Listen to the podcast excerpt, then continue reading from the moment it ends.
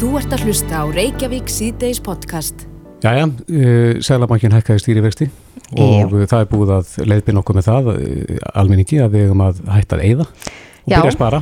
Eyða eh, minna, spara meira Já. en svo eru þetta já, svona skiptar skoðunar af því hvernig er best að spara vegna þess að vextinni í bankanum er nú ekki kannski þeir hæstu, Nei, ekki mikil ávöxt nei, nei, það hefur verið bent að það að spari fyrir brennur upp frekar Mhm. en hitt. En við erum líka forvitin að vita í hvað eru Íslendingar að eyða ef við erum að eyða og erum með eðslu klæra á hana borð Já, og til þess að fá svona það nokkurn veginn á hreint með okkur í það minnst að reyna að fá ykkur að mynda því er hann komið til okkar frá uh, sölustjóri menninga Hannes Rúnar Hannesson, velkomin. Sælur takk hjá fyrir það. Já, þið eruð í samstarfi við alla uh, stóru viðskiptabankuna þrjá Það og, passar. og s- hafið kortlagt viðskiptavinni þeirra eða eðsluna þeirra með ykkar kerfi menninga. Já, það er runni þannig að semst, viðskiptavinir þessara þryggja stóru viðskiptabankana hafa semst, tök á því að geta skráð sér í meininga til þess að fá yfir sín yfir sín semst, heimilsútgjöld, Mhm. bara sér að kostnarlausu. Og hvað eru þetta margir einstaklingar? Uh, þetta eru, eru yfir 60.000 einstaklingar sem, að- sem að hafa skráð sér í meininga. Mhm. uh, svo tók við, semst, eftir að hérna, heyrið þér gerð, þá tók við saman svona gogn þar sem að við byggjum úrtæki úr þessum hópi sem að telur rétt um 38.000 manns Já. í, í þessu úrtæki sem Það við er skoðum. er úrtak. úrtak Það er bara mjög gott úrtak, það er alveg rétt og, og við sem sagt svona, tókum svona, svona gróft yfirleitt bara á það þú veist, í hvað Íslendingar eru að eyða Mm og það er kannski ágætt að byrja því það, því, einmitt, uh, það sem þið voru að tala um með sparnaðin að þú veist við ættum að spara -hmm. að, að svona, svona miða við það sem við sjáum að, að þá eru Íslendingar að eyða um það bil, eða þú veist Íslendingar í þessu úrtaki allan eru að eyða um það bil 8% af sínum grunnútgjöldum fara í sparnað Já. þannig að það er þó allan eitthvað sem er þar. Þannig að við virðumst þó vera þá að spara eitthvað er eins og, allavega- eins og, og lagt er til. Algjörlega, það er þarna svona smá grunnur sem, að, sem að er þar sko. Það er þá séregna sparnaðurinn. e, það getur fyrir sérinsparnar þú veist, nei, þetta er rauninni það sem að koma það sem meininga sér er meininga sér kannski ekki sérinsparnar heldur þá Mhm. að, að sem sagt, það sem við kvöldum með þetta eigðisparnar, þetta er meininga að koma sem tekjum að koma þannig inn Mm og svo allt sem að fer út eru síðan útgjöld. Og uh, þannig að það er kannski skrítið að tala um að eigða í sparnað en þú veist það sem að þú setur þá peninga af uh, veldur reikningunum, reikningunum þínum yfir á sparnareikning þá er, flokkast það sem útgjöld hjá okkur og, en, en þá er það bara jákvæð útgjöld inn í, inn í sparnað og það er þá veist, eins og þessi 8% sem að, sem að liggja þar er rétt rúmlega. Mm Eh, svo ef við tökum það svona frá og förum bara kannski yfir í þessi raunútgjöld sem er þessi dagstæðilegu sem við erum, sem við erum að hérna, eh, notum dagstæðilega þá er það e, stæðsti útgjöldaleginu sem að kemur hérna, náttúrulega engum óvart er þá heimilið -hmm. er það þá bara húsnæði og uh, alls konar eða erum við að tala um það bara hluti sem að kaupir inn á heimilið Já, þetta er, og svona, já, þetta er svona, fyrst og fremst er þetta þá uh, einmitt húsnæðslánin og húsaleiga en sem sagt, yfir meirinn helmingur er 55% af þessum kostnæði við heimilið liggur í þessum bara förstu greiðslum sem eru þá leiga eða, eða lán og, Það er hansi hátt hlutvall. Er hátlutar af þessum þarna en þetta er, mm Mhm. þetta er þessi rétt tæplega 30% af heildarútgjöldum sé, svo sem, ég segi, ég er kannski engin sérfræðingur í því en, en ég hef svo sem heyrt af því að sé kannski svona viðmjönamörk séu svona Mhm. í kringum 30% að, að, að eiga að fara í heimili sko. Mm þannig að það getur Já, að það s- sleppi ágætlega. Sælabankinu þetta setti reglur fyrir ekkit svo lengur síðan um það akkurat að, að, að eh, ég greiðslu, afborgarna lánu mætti ekki fara yfir, var það ekki 30 eða 35%? Já, var það ekki. Þannig að þetta rýmar þannig að þetta það. passar ágætlega við það sko og ég segi að þú veist af, sagt, af þessum heimiliskostnaði þá er það sagt, þessi, yfir 55% er húsalega og húsnæðslán og svo eh, við það bætist svo þú veist, við þaldur rekstur heimilisins náttúrulega þú veist, við alltaf þessu við og, og svo koma einmitt húsgögn og heimilstækjainréttingar og annað sem, að- sem að geta fallið þar undir líka Mm Já. En svona ef við hugsaum um bara þetta sko Já, nú, nú er auðvitað margir að hugsa hvar get ég aðeins skori niður og, og meningar eru þetta frábært tæki til þess að svona kortleggja í hvað maður er að eyða algjörlega en við sko. hugsaum um, um svona þessu hlutir sem eru kannski ekki nöðsynlega, við þurfum alltaf að borga húsnæðin okkar og, og halda þið við. Hvert, hvert er peningun þá að fara? Algjörlega, þú veist, það er, ég segi, þessi, þessi næstu stæstu útgjaldaliðir eftir þetta er náttúrulega matur, við erum að hérna, fóðra líka mann okkar og, og, og börnin og allt þetta og það, það sem fylgir og þú veist, og af mat, maturinn er að telja um það byrja 20% af heildarútgjöldum Mm og ég veltaði fyrir mig, þú veist, að, þetta tel ég verið kannski svona nokkuð háa tölu sko Já. Og matakarðan hefur hækkað líka. Matakaran hefur hækkað sko og, og það þú veist, af þessum sem sagt, 20% sem, að, sem að eru matarflokkin að þá eru þú veist 65% af því sem að falla undir sem sagt, bara hel, hefðbundin matar inköp Mm Já, og svo þar á eftir fylgja, fylgir skyndibitinn í, í það með 13% og veitingastæðir í 11% Já, skyndibitinn- 13% í skyndibittar Já, er það nú það ansi svolítið hátt hátt. alveg. Ég er 13% af sem sagt Já, já, 20% Þú Þannig að að 13% af samt þessi heilda mataringum hún líki skyndibita sé mér finnst er kannski aldrei vel í lagt sko. Skefur fiskikongurinn rétt fyrir sér að, að kókapöp, var ekki Jó, sem borðar ekki fisk og, og er er kannski bara frekar á En þarna er kannski einmitt eitthvað sem að er uh, sem hvað meininga semst, á, á svona einfaldast með aðstöðu við að gera er það er að sjá þessa hluti þú veist, þegar þú rýnir í heimsbókaldið að sjá, þú veist, hvað er, hvað er ég að eyða þessum hæstu fjárhugum og, hvað get ég gert þú veist, er ég að eyða 30 skonum mánuði í skyndibita eða 40 Mhm. skonum mm. get ég dreigja eins úr því og, nýka þess aðeins til. Aðeins til í Mhm. matrikum sem ætti að vera ódýrari þú veist, og, og svo er þetta klassiska að þú veist að verður með útbúna hérna matsela fyrir vikuna og farðu þú veist þið náttúrulega fundið allir sér Ekki svangur í búðina veist það eru mörg trikk í þessu sko Einmitt. En komum aðeins að því sem að honum hefur verið hugleikið á stýri selabankastjóra, það eru tásumindir á tenni. algjörlega, E, sérðu hvað Íslendingar eru að eyða í flugfargjöld og ferðir utanlands? já þú veist við erum með flokk sem, sem bara semst, flokka sem frí og ferðalög og Mhm. þar er þá semst bæði þannig er þetta þá þú veist semst keift flug en það er þá bæði innlands og, og, og utanlandsflug sem að ég myndi flokka þar inn undir Mm -hmm. og einstaklingi gera það almennt og kerfið okkar gerir en, en það sama með hótel og annað þess að hann þetta eru bæði semst, erlendu, Það er bara ferðalög í er bara ferðalög, já, almennt. bara þessi frítími sem þú ert í þannig að og þetta er í rauninni semst, útökoknu okkar er sína þetta er rétt hægt 5% af, af heildarútgjöldunum liggi þarna. Já, Já, þannig að það er kannski ekki endilega ég meina, án þess að uh, við getum reynd of mikið í þetta mm að þá er nú 5% ekki það kannski ekki að, að, að sko. snúa allar kolviðna Nei, kannski sérstaklega ekki með veist, og núna er kannski að fara aðeins út fyrir gagninsins leik en maður veltu fyrir okkur að, að við erum að koma úr, hvað við segja, átjón mánuða til tveggjum ára tímbilið, þessu COVID-tímbilið, þar sem að, að hérna, myndaði svona, kannski svona alltaf uppsp uppsöfnuð ferðaspenna, sko, Mm. veist, það sem að bæði að tala um að fólk sæti á okkur sjóðum, þú veist, hérna, e, þess að það komst ekki erlendis og svo Mhm. líka bara, þú veist, það er eitt eru peningarnir og hitt er bara viljin, ferða viljin er alltaf mikill í framhaldinu einmitt. Þannig að með þetta það væri kannski gaman að þegar við höfum haft aðeins betri tíma til að taka, taka þessi gögn ítalega niður að, að sjá þróun þarna á milli sko Mm. sjá kannski frá 21 til 22 Mhm. þú veist, hvernig, hvernig þessi, þessi útgjaldlegur hversu mikið hann hefur hækkað Já, það getur gefið okkur vísmendingu já, þetta eru 5% og, og bæði innanlands og erlendis. Já, en svo er kannski líka ágætt að hafa í huga þú veist að við flokkum náttúrulega þessi í þessi flokk sem eru og í matur annars vegar og svo hins vegar verslun og þjónustað sem er fatnaður og annað Mhm. Þarna er, eh, er alveg ágæts líkur að undir matnum og sérstaklega kannski þá undir veitingstaðaliðnum og svo í verslunum þjónust og þá sérstaklega undir fataliðnum þar að þar getur alveg átt í stað þú veist verslunum erlendis, þú veist þú ert með H&M erlendis og þú ert með Lindex og Söru eða hvað þetta heitir sko Mhm. og, og sama með veitingastæði að, þú ert með, að, að þú veist, þetta flokkast en matur inn í kerfni hjá okkur það er svona allur gangur á því hvort flokk færi það yfir í frí ferðalög matur sem sem hluti af einhverju ferðalagi hjá þér.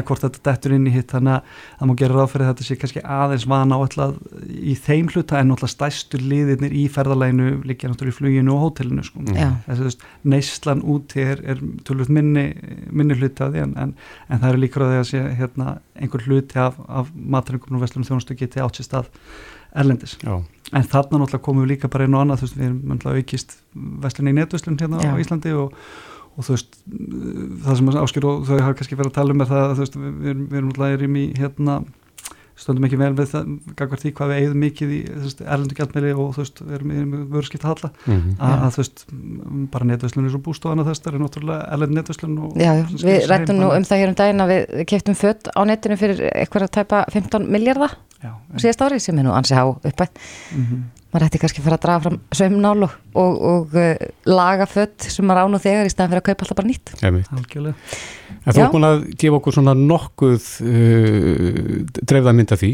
mm hver, hvernig uh, þetta lítur út. Þú kannski kemur til okkar síðar þegar þú ert búin að rýna aðeins betur í gögnin og bara algjörlega, bara uh, kannski skoðum það betur en ég segi, við förum að skoðum að svona árlegan samburð að sjá hvernig, hvernig þróun var frá, eins og eins hann frá 21 til 22 þar sem, sem við komumst ekki út og, og svo Mhm. loksins þegar við komumst út hvað, hérna, þessi 5% voru 3% eða 2% áður eða, veist, Mhm. þannig að það getur verið alltaf tvöföldun þannig Já. að, að hérna, ef að svo reynist vera en það, það kemur þá bara í ljós og við náttúrulega hvetjum fólk til þess að kíkja á þessi mál. Já, bara skrá sér inn að meninga og, og er það ekki talað eh, sko, um að þessi besta spartnaráð að, að vita í hvað maður er að eða?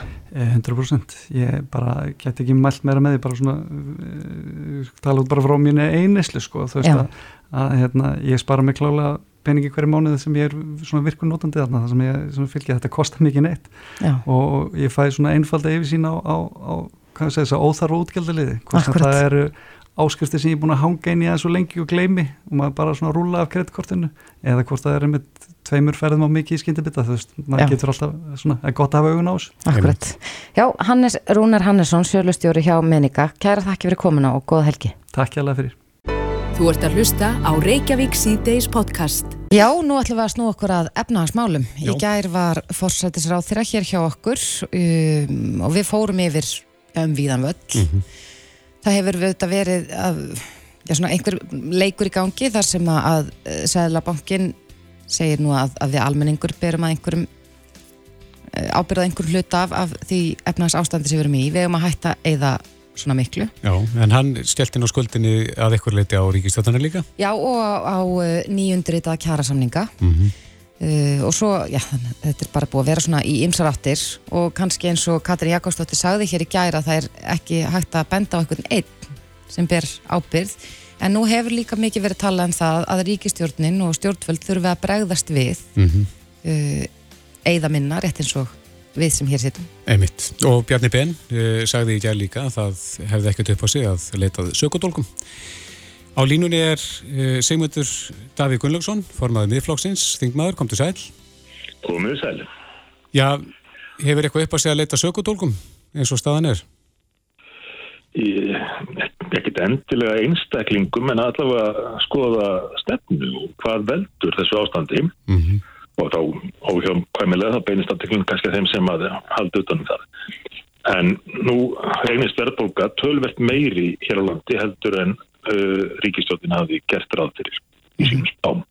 Og þetta þarf ekki að koma óvart því að uh, síðustu fjárlög voru alveg sögulegur við bentum í fyrsta lagi á það í umræðum fjárlegin að það væri ríkið enn eina ferðina að fara að leiða uh, verðhækkanir á nýju ári með því að hækka yfir línuna öll möguleg göld uh, og, og álugur á landsmenn og stundum kallaða nýjum nafnum, kallaða grænt eða eitthvað slíkt til til að fela þann raunveruleika að ríkið var að gefa tónin með verðhækkanir.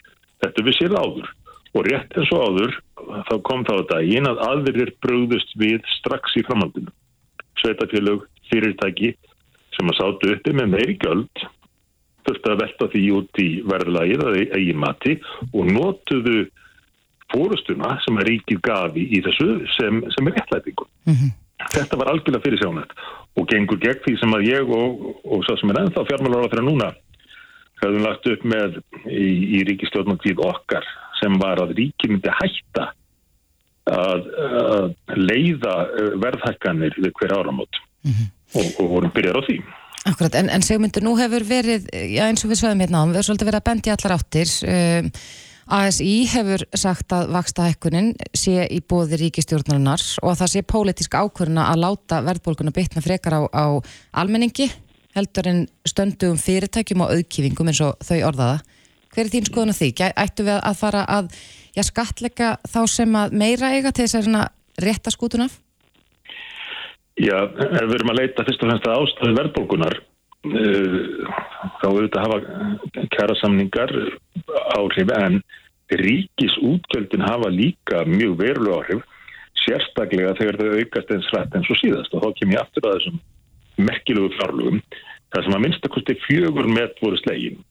Met útgjöld í söguríkisjós mesta útgjölda aukningin bæði í krónumtalið og hlutvarslega og svo mesta svart sínin á framtíðin þar sem að ríkistjónin gerði ekki ráð fyrir því að ná tökum á rekstri ríkisjós fyrir en, já, til mestu ríkistjórnar á meðju nesta kjörtmanbili í fyrsta lagi.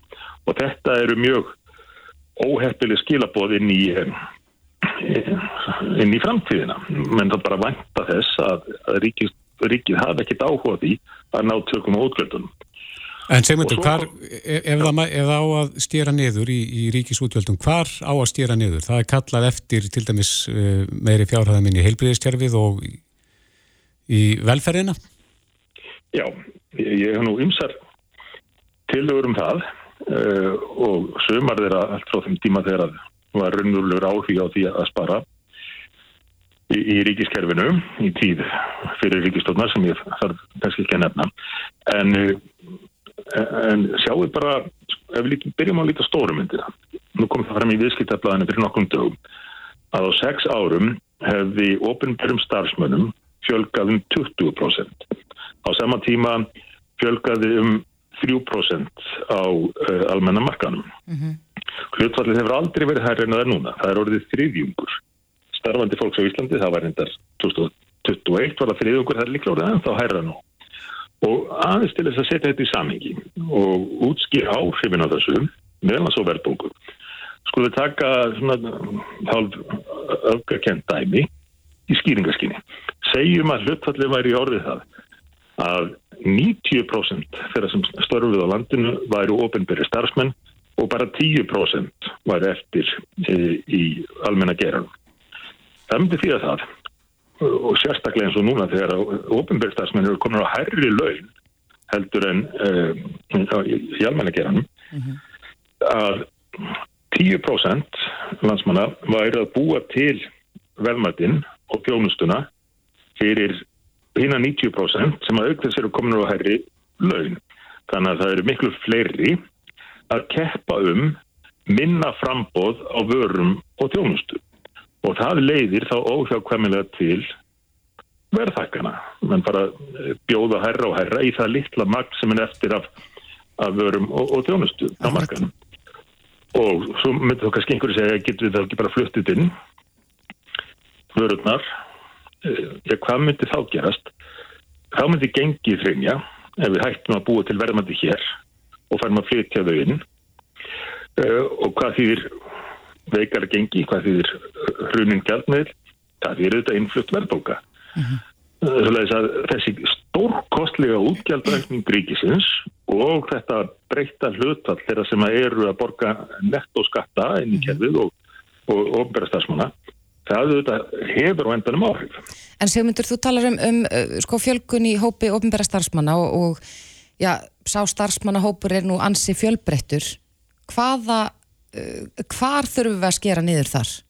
Við erum alltaf að tala um mannekla á spítulunum, við erum nú kannski ekki að fara að fækka hjókunarfræðingum eða læknum, en, en hvaða ríkistarfsmenn eru það sem að, já, eru kannski, uh, við þurfum minnst á að halda ef maður orðaða þannig?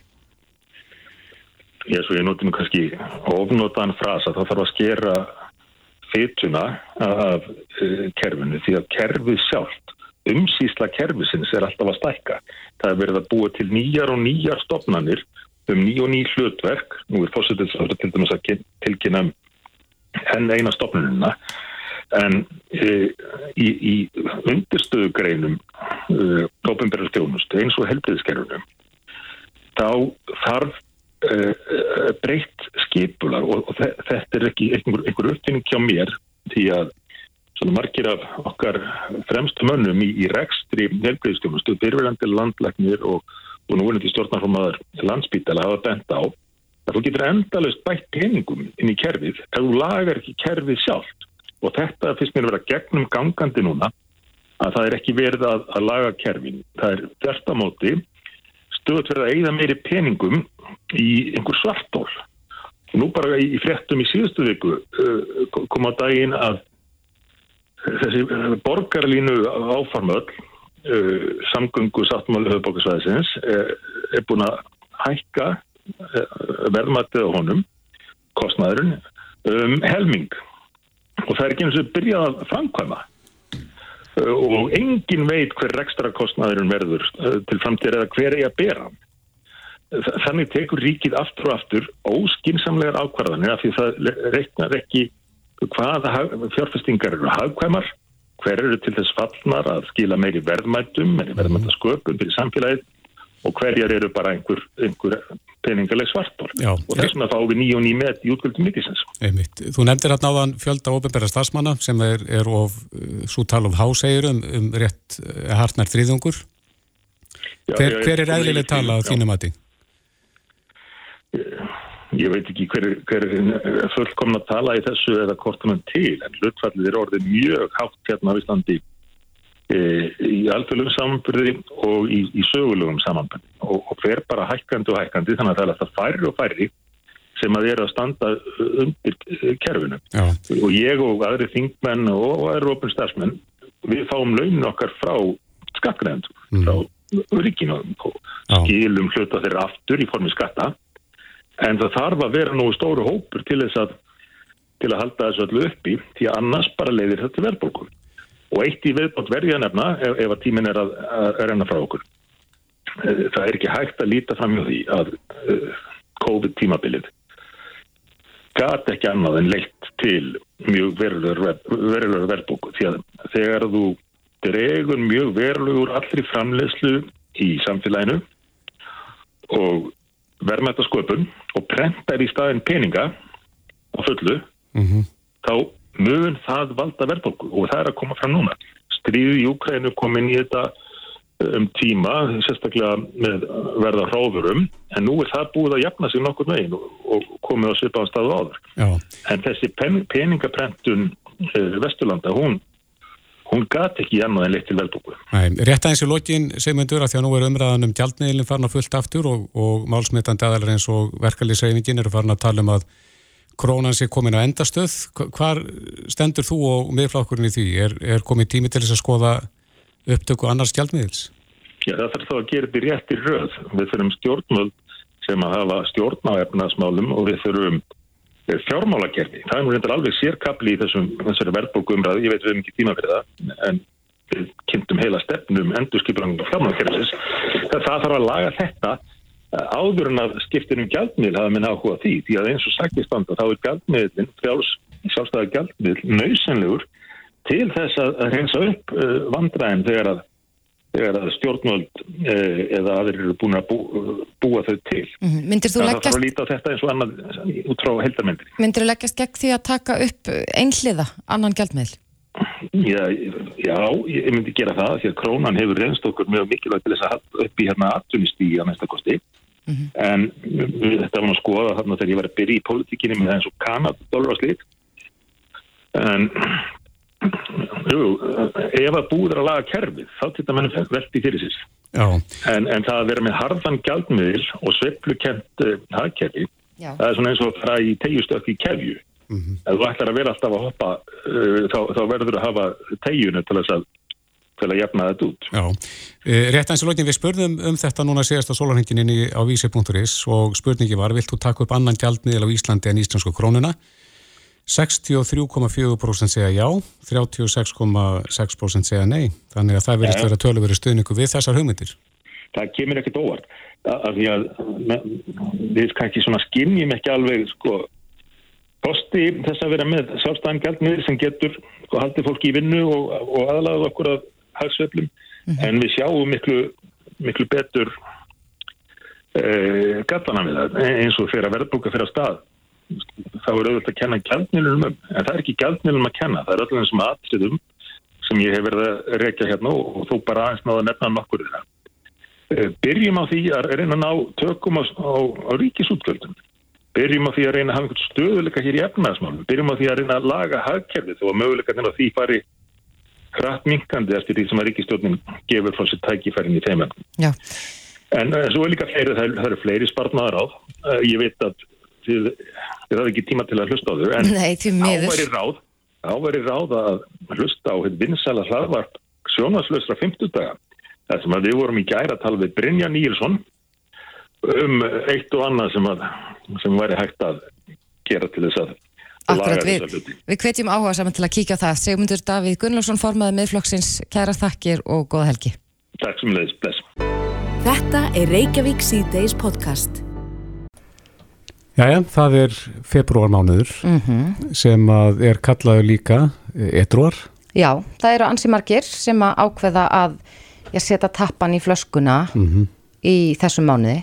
Sumir halda áfram, sumir halda ekki áfram. Einmitt. Og það er í lægi að, sko, fólk þurft ekki að byrja frá byrjun mánuðarins, það er í lægi að setja tappan í hvena sem er í þessu mánuði. Já, já, er, já, ég held að það sé nú bara frjálsræði með það, með það. en uh, þessi mánuðir eru þetta líka svona ákveðin vitundavakning á því að það sé gott að lifa áfengislausum lífstíl. Einmitt. En uh, við erum komið gæst til okkar, hann Ástísi Guðmundsdóttur, handbóltakonu, Já, edru konu. já, mikið rétt. Bara takk fyrir að bjóða mér. Þú hefur ekki smakkað áfengi, 25 ára gömul. Nei, ég hef semst aldrei tekið sopa og hérna aldrei drukkið áfengi. Mm Meðvitað? Já, með þetta. Ég tók hérna, þetta var nú kannski ekki svona, ég man ekki ákvöruna hvenar ég gerði það, en bara þetta liti sér þannig. Ég hef semst spilað handbólta í mörg, mörg ár, bæði með Káða Þór og landsliðinu og svona.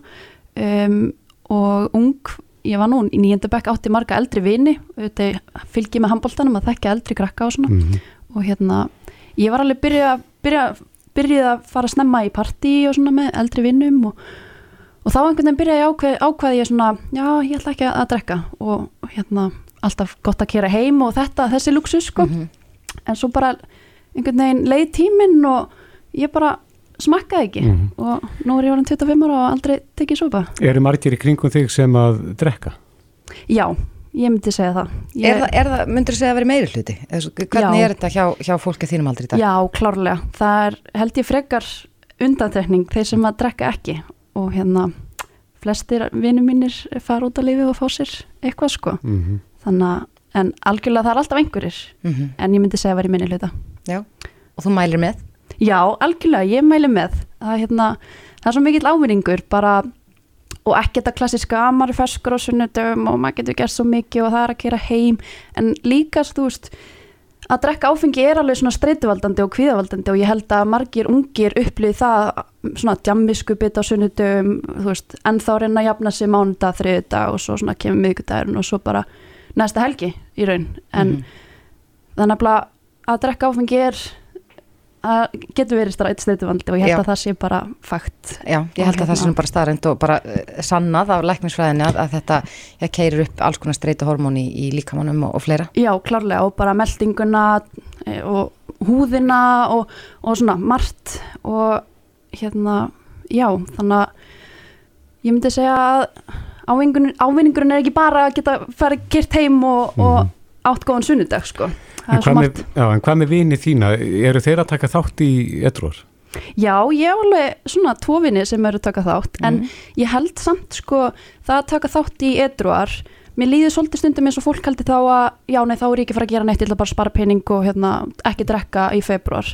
En mér finnst það svona, maður má ekki láta það stoppa sig að gera eitthvað skemmtilegt. Það er það sem ég vil kannski, þú veist, mér finnst það leiðilegt, ég ásuma vini sem að, ok, ef að þau drekka ekki þá nei, þá getur ekki haft gaman og bara Ekki farað hitt fólk Já, og, og látið eins og þetta sé einhvers konar kvöð. að- já, já. bara ég get ekki farið út og, En, en þetta fólk sem þú þekkir sem tekur þátt í þessu, vegna þess að nú ætlum ég að opinbera mig, ég tók eins og þátt í veganuar, mm, ég borðaði nautasteik sko fyrsta februar. já Ég var mjög spennt að borða kjöt aftur. mm -hmm. Ætli fólk sé þannig með, með edruar að bara sleppa það að drekka og, og svo bara búin að, að fá sér bjór Já, á bara fyrsta degi. bara, yes, bú- Já, bara fyrsti mars er það ekki líka Jú. bjórdagurinn. Vinn upp glataðan tíma? Já, mm, eða það er nú góð spurning ég er Mm. náttúrulega að drekka ekki Nei, þetta nei. gert það þannig að þetta er ekki eitthvað sem að ég en hérna það er vissulega góð spurning Já. en nei, ég held að svo kannski fattar fólk í mið svona átaki og eins og bara þegar maður fer í heilsu átak bara, heyrðu, mér líður bara miklu betur að fara út á lífið kannski borða Mm. holti eða eitthvað svona og svo bara svona verður þetta að venju en hérna En er þrýstingur á þig finnst þér að, að er fólk að ota að þér áfengi og vill að þú tæti þátt í þessu?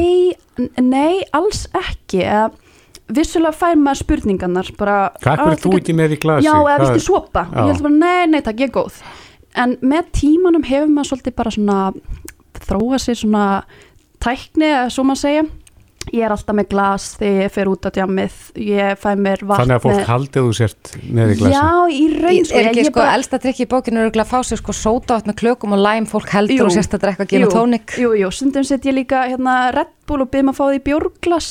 Já, en ég held sko bara að vera með. Þetta er ekki eitthvað að fólk halda ég sé að drekka. Mhm. en bara svona ég einhvern veginn er með. Ég líka fæ mér góða drikki mojito og það er fullt af góðum óáfengum drikkum í bóði maður kannski hugsar á, ok, drekkur ekki og þá sé maður ekki að drekka neitt og bara ekki með neitt í hönd. Þannig að Mhm. ég er bara, já, nei, ég er með minn drikk en, en vissulega fær maður svo spurningu fyrir hvað akkur ekki að drekka. Og ég er bara, að, þú veist mér finnst bara, ég get haft gaman á þess að drekka. Já. Bara ég þarf þess ekki. En, en eh, já, fjölskyldu saga þín er nú líka svolítið litið af, af eh, á, áfengisnistlu. Mammaðin er, er formaður S.A.A. já, Um, fannst þú fyrir því sem barna að, að upplýðir þú eitthvað slíkt inn á heimilinu, drikkjuð hann að? nei, nú eru, báðir eða eru báðir fóreldrar mínir óvirkir alkoholistar og það var alveg mjög snemma, pappi minn er það er orðið 20 ár síðan og ég var mjög, mjög, mjög lítill en nei, ég hef sko eins og þú segir, mamma mín er formaður S.A.A. og hefur alltaf unni í kringum þetta um, ég hef aldrei fengið svona pressu að, nei, ég það bannað að drekka á mínu heimili, ég var nú yngri systur hún hérna drakk þegar hún var yngri á þessu mentaskóla aldrei og allt það sko. Ég upplýði aldrei að það veri bara bannað. Þetta var bara uh, rætt mikið á heimilinu bara hvað fylgdi með þessu maður þurfti að gera, vera ábyrgur og allt þetta. Þannig að En heldur að það, þetta hafi sko kannski spilað inn í þegar þú í raun og veru tekur ákvörðun um að, að drekka ekki? Já, að sé svona upplýst svona samtal á, inn á heimilinu. Ég myndi segja að það hefði hjálpað. Uh, og já, en eins og ég segi, þú veist, sýsti mín drakk og það er bara allt í góðu, sko. Já. Ef að það er hennar ákverðin. uh, en hérna, já, Já.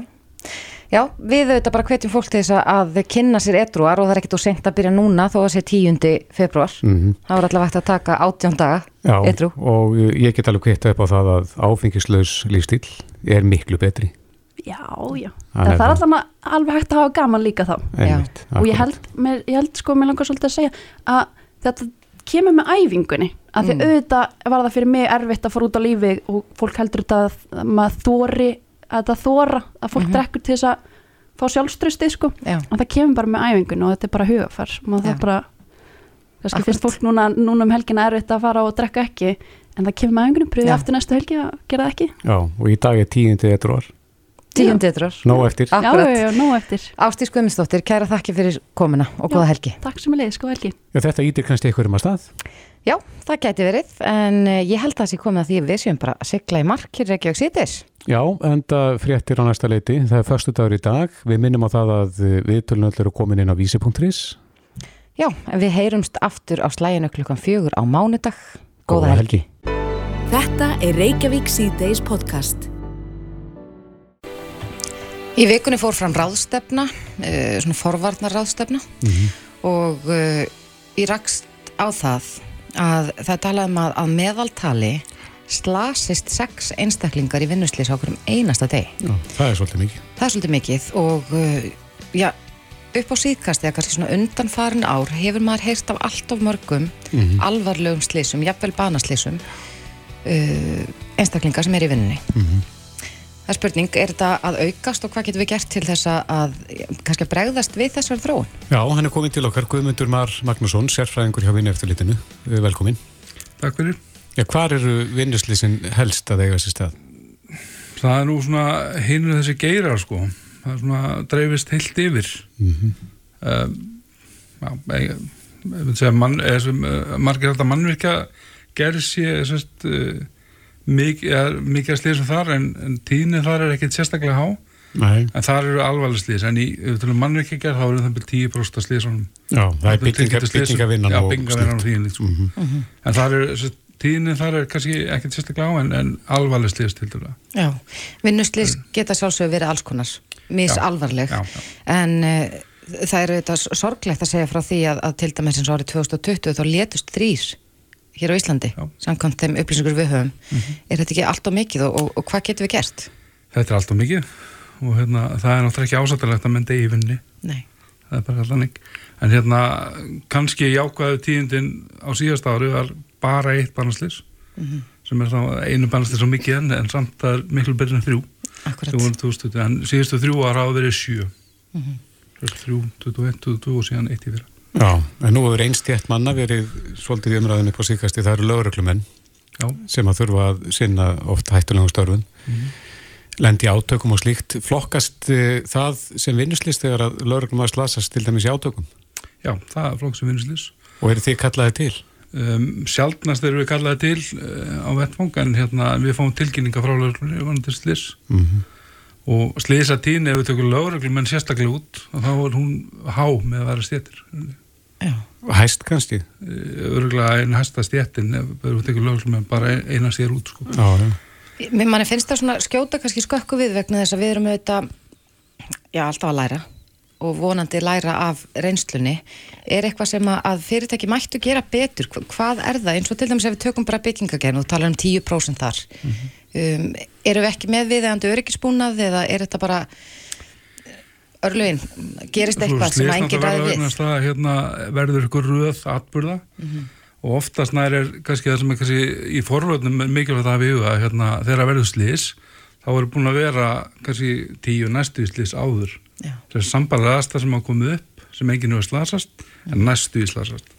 Þannig að það er mikilvægt að fyrirtæki rýni þetta og, og skoði og sett, geri úrbætt þegar framhanda því sett, hérna var næstu í slis og það getur slis inn á morgun þannig að við þurfum að gera eitthvað í því sko. mm -hmm. þannig að ef mann hugsa þetta svona vinnað svona þá geta mann fyrirbyggt slisin yeah. og ég, eh, við teljum það það er hægt að fyrirbyggja öll slis yeah. það er hægt en hérna, það kostar það mjög markvæsar aðgerir mm -hmm. og kannski svona í útubiskum heim er það kannski aldrei hægt 100% en fræðilega sé það hægt Já. með að vera með viðhandi rástafanir og forvarnir mm -hmm. þá getum við komið við fyrir öll Hvernig áverkar eru það helst í byggingatjærum? Verða það fall áverkar? Sko, ef við tökum bara slís sem voru tilkynnt í fyrra sem voru rendar kannski alltaf að komin á það í okkar tölum mm -hmm. þá hérna, er slísum heldur að fækka Við vorum með 2200 slisanna fyrir COVID mest 2019 mm -hmm. en þau voru eh, er ekki konar lokatölu fyrir 2022 það endar í svona 1900 sannlega, eitthvað þannig að það er svona heldur á niðurlið og það er fjölgun á vinnumarkaði þannig að tíðnin er heldur að lekka heldur nýtt þannig að það er út af fyrir sig ákvæmt allaveg þeim tölum sem við fáum til okkar en, en eh, nú er talað mikið um það að eh, pólitíkusarnir, þeir tala mikið um það að það er mikið, já, svona vaksta skeið framöndan, það er mikið að nýbyggingum, mikið af, af fólki í vinnu við, mm. já, kannski mis örugar aðstæður.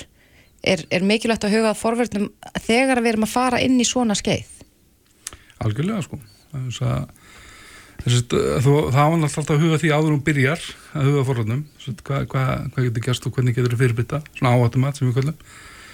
En hérna, byggingavinnustæðir eru kannski svolítið sér á parti menn þeir eru svona flóknir og síbreytilegir mm. það er kannski erfiðar að það er alltaf við annar staðar svona að sérst erum með skipula því að hann breytist af frá degi mm. staðið fyrir út með vesmiður sem er alltaf eins skilu þá ertu með svömmu aðstæður en nú ertu hann í grunni og svo ertu viku eftir komin upp í einhverja hæðir skilu þannig að þetta er svona síbreytileg vinnustæð þannig að það er svona mjög flókið að greina en það er svona takt að gera það með, með réttum aðferð En við erum búin að tala svolítið um byggingatýran. Hvar eru slísin að verða annar staðar?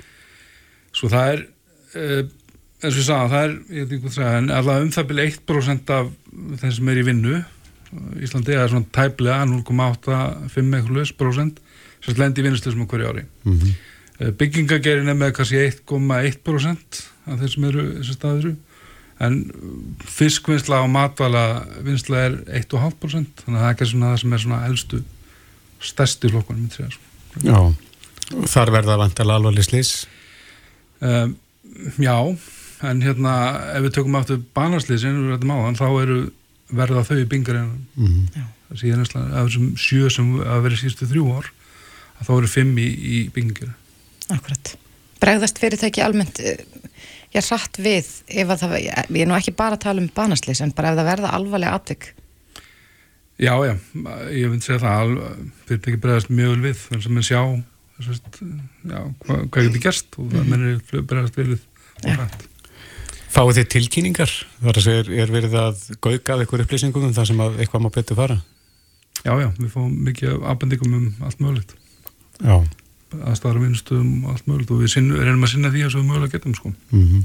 Og það getur þá verið liður í þessu forvarnar starfi að ef að, ef að já, einhver sér eitthvað Já. þá getið þið komið með ábendingar um Já, þannig að uh, oft fá við tilkynningar um hættulega aðstæður einhver íbúið eitthvað sér eitthvað út um gluggaðan sér og hefur sambandið okkur og oftar en ekki þá fyrir við á staðin og, og konum aðstæður og ræðið við viðkomandi Og því hvetið almenning til þess að, að svona verið í liði með ykkur? Já, ef fólk sér eitthvað sem er svona það er svona algjör, fyrst algjörlega gali kannski mm -hmm. þá er það bara mjög gott ef fólk bendur á það og við erum að sinna því að svo við mögulega getum En tölurnar á leðinu niður í heldina? Já, svona heldur. Heldur á leðinu niður? Mjagast í rétt á, þó er ekki, ekki kannski einhver stökkbreyting að það vera svona að smá síga mm -hmm. sem er, er út af síga hvert. Já. Akkurat. Já, uh, Guðmundur Mar uh, Magnússon, sérfræðingur hjá vinnu eftirlitinu. Við skulum vona að þessa tölu fara enn freka niður. Það ekki verið komin og goða helgi. Takk sem leiðis. Reykjavík síðdeis á Bilginni podcast. Já, það eru ekki bjartar fréttinar sem að berast á Danmörku. Nei. Það sem að uh, bakterýr hafa fundist í síklarlifi og það fjöl ónæmar. Já, þessi frétt byrtist í morgun að uh, Lífjastofnun hafi stöðvað sölu og ávísanir á síklarlefið uh, Stakloks mm -hmm. vegna hættu á síkingu af völdum síklarlefi ónæmra bakterja og Já. það er alls ekki langt síðan að við rættum um síklarlefi ónæmi og, og já, viðmálundur okkar þá sem að starfa hjá Embætti landlækni sagði að þetta væri hinn þöggli faraldur. Einmitt. Rúna Högstóttir Kvanberg, fórstjóri Lífjastofnunar er á línunni, kom til sæl. Já, komið sælblessu. Já, hvað vitum við um uh, þessa bakterið sem hafa fundist í síklarliðinu? Já, í, við vitum náttúrulega ekki hvort þau fundist hjá okkur á Íslandi svo það, þetta eru varaðar ástæðan sem við erum búin að grýpa til með þessum hætti mm -hmm. eh, en eh, bakterían sem fannst í Danmarku eh, sem sagt er fjölónæm en samt eru til lifiðinni sko, svo að, það, þetta er ekki alveg þetta er ekki alveg kolsvart mm -hmm. en þetta er náttúrulega hins vegar ekki það sem þú vilt finna í livjum sérstaklega þegar þú erstu meðhundla einstaklingar sem eru með síkingar svo leiðis að þessin eru höfð þessi miklu viðbröð bæði hjá okkur og líka hjá, hjá dönunum. Þetta er hins vegar síkil sem eh, sko, getur verið eh, hjá, eh, sko, fólk getur svo sem haft að haft hann í sér og hann getur tekið sér bólfæslu svo sem í meldingavegi og hann getur orðið bara hluti af síklaflórunni e, fólk þarf ekki að síkjast en, en það geta komið síkingar og það þurfu ekkert að koma strax og, og þau enginni sem væri kannski eru algengust eru til dæmis straxfarsíkingar Já, er eitthvað að vita hvernig þessi bakteri að komst í lifið til að byrja með? Nei, nei, það er umvel að það sem er verið að rannsaka núna Mm -hmm. Er þetta síklarleif sem er, er mikið nota hér á landi og við hverskens kvillum? Já, sko, þetta er notað við svona sárasíkingum og íkjærðum, einhverjum beinasíkingum og, og slíkt. Það, það er svolítið erfitt að segja hvað er, hvað er mikið notað. Við notum alltaf mikið af síklarleifum á Íslandi. E, við hefum verið að vinna þessar aðgerðir í nánu samstarfi við ennbætti landlandnis, sótvarnalagnir og smittsjúkdómalæknana upp á landsbytala og við fórum í það að, að e, með e, ennbætti landlæknis að það voru sendar út tilkynningar í heilsuveru til 1100 e, aðela sem hefur fengið þessu ávísað mm -hmm.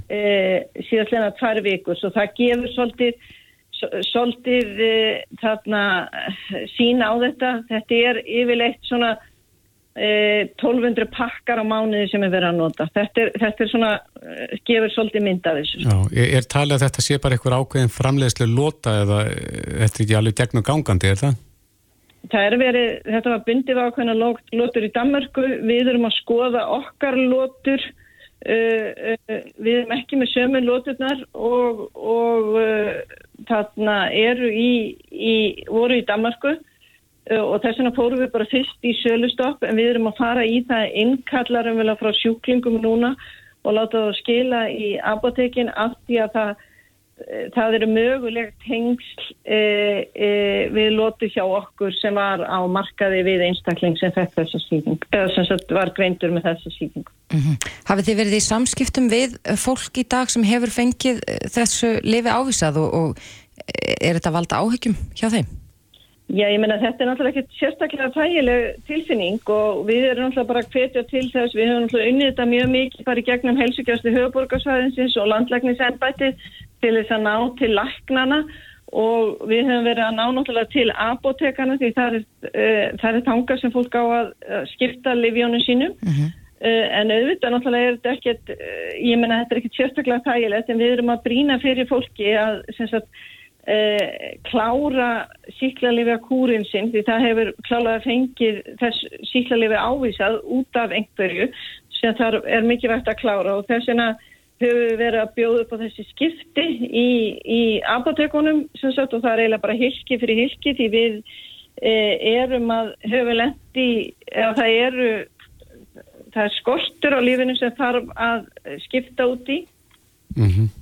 Að, en við verðum komin fyrir vind með það strax í næstu viku svo það er búið að fá uh, sagt, uh, nýtt uh, lífi sem verður skipt í það kemur strax Eh, aukabyrður að því með flugi bara á mánda og þrjuta. Já, Arúna, er þeir sem eru hugsanlega síktir og hafa fengið þessa fjölóna með bakteríu í sig, smit, geta þeir smitað út frá sér? Já, þeir geta, þetta best með, með, með, með sögsmiti og, og, og slíku og það er bara mjög mikilvægt að þessir aðilar láti vita eða eru laðir inn á heilbriðstofnun.